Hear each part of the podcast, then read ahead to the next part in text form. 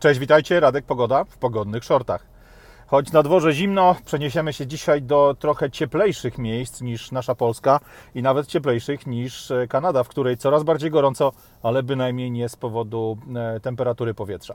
E, pogadamy o Kalifornii. Kalifornia, podobnie jak parę innych amerykańskich stanów, głównie Illinois czy inne stany zarządzane od lat przez demokratycznego gubernatora i demokratycznych władców lokalnych samorządów, stan ten od lat miał problemy z przestępczością, miał od lat problemy z przestępczością gangów, o których rozmawialiśmy dawno, dawno temu z Rafałem na kanale.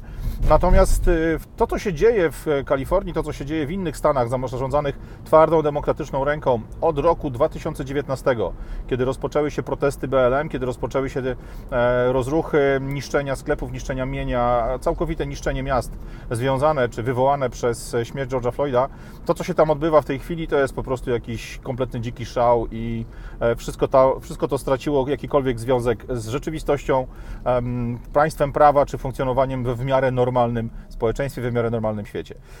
E, w Kalifornii dziś ogromnym problemem są kradzieże, przede wszystkim kradzieże drobne, kradzieże ze sklepów. E, okazało się, to też o tym była już wcześniej mowa, że wprowadzenie przepisów zwalniających z odpowiedzialności karnej złodzieja, złodziei, którzy ukradli towar o wartości nie większej niż 900 dolarów, sprawiło to, czego spodziewali się wszyscy myślący ludzie, czyli ogromną falę tego typu przestępstw, ogromną falę tego typu kradzieży. Te kradzieże oczywiście najmocniej dotyczą sklepów detalicznych, no bo tam złodziej wie doskonale, e, co ściąga z półki, jaką ma to wartość i wie, że e, ukradnięcie produktów, powiedzmy, kosmetycznych za 800 dolarów niczym mu nie grozi, ale już świśnięcie telefonu czy świśnięcie jakiejś elektroniki, której wartość te 900 magicznych dolarów przekracza, zaczyna w tym momencie wprowadzać go w łapy policji, choć z tym też bywa różnie. Natomiast sklepy to tylko jeden z problemów. Drugim ogromnym problemem są e, kradzieże wszelkiego rodzaju sprzętów dostarczanych w tej chwili, w tych covidowych czasach, przy pomocy e-commerce'u, przy pomocy firm kurierskich, przy pomocy e, zostawiania przesyłek na progu domów, przy pomocy wreszcie transportu, który na potrzeby firm kurierskich jest wykonywany. Jeśli śledzicie amerykański internet, jeżeli śledzicie amerykańskiego YouTube'a, wiecie, że ogromną plagą w Kalifornii stały się w tej chwili przede wszystkim napady na pociągi, które w swoich kontenerach przewożą ogromne ilości przesyłek.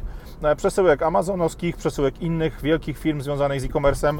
E, pociągi te są mm, e, napadane albo w formie osób, które wskakują na wagony i w czasie jazdy pociągu z jakąś niedużą prędkością, głównie w obszarach miejskich, kontenery są otwierane, paczki, paczki z nich są wyrzucane i plądrowane potem wzdłuż torów. Ewentualnie pociągi te są okradane po prostu na postoju, wtedy kiedy jak każdy pociąg towarowy muszą odstać swoje, żeby zrobić miejsce dla ruchu pasażerskiego, który po tych samych torach musi się przemieszczać. No to jest taka zasada, jeśli ktoś z Was interesuje się koleją, wie doskonale, że pociąg pasażerski zawsze ma pierwszeństwo przed towarowym i to właśnie ten towarowy musi czekać na bocznicy, musi gdzieś się, za przeproszeniem, schować, zniknąć z tej głównej przelotowej linii, tak aby dać przejechać dużo szybszemu zazwyczaj pociągowi pasażerskiemu.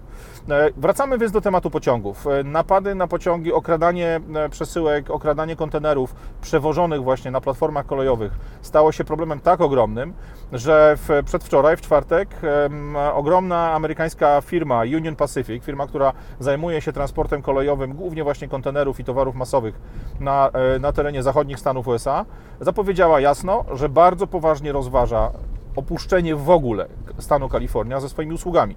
Pociągi Union Pacific miałyby zniknąć z Kalifornii w ciągu najbliższych 3-4 miesięcy, na pewno nie później niż do końca wakacji.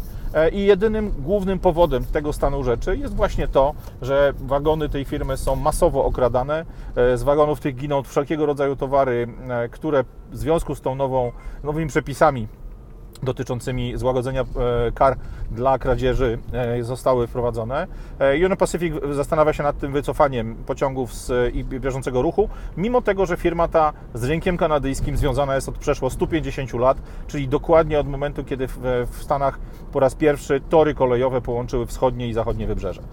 Jak to świadczy o Kalifornii? No, sami możecie przyznać, że nie najlepiej. Stan ten staje się coraz bardziej dzikim, dzikimi polami, coraz bardziej staje się dziką krainą, w której nie ma, nie ma żadnych praw, nie ma żadnego sensownego rządu, nie ma żadnych konsekwencji za dokonywanie czynów, które są po prostu przestępstwem, które są uznawane za nie, niewłaściwe i niesłużące społeczeństwu.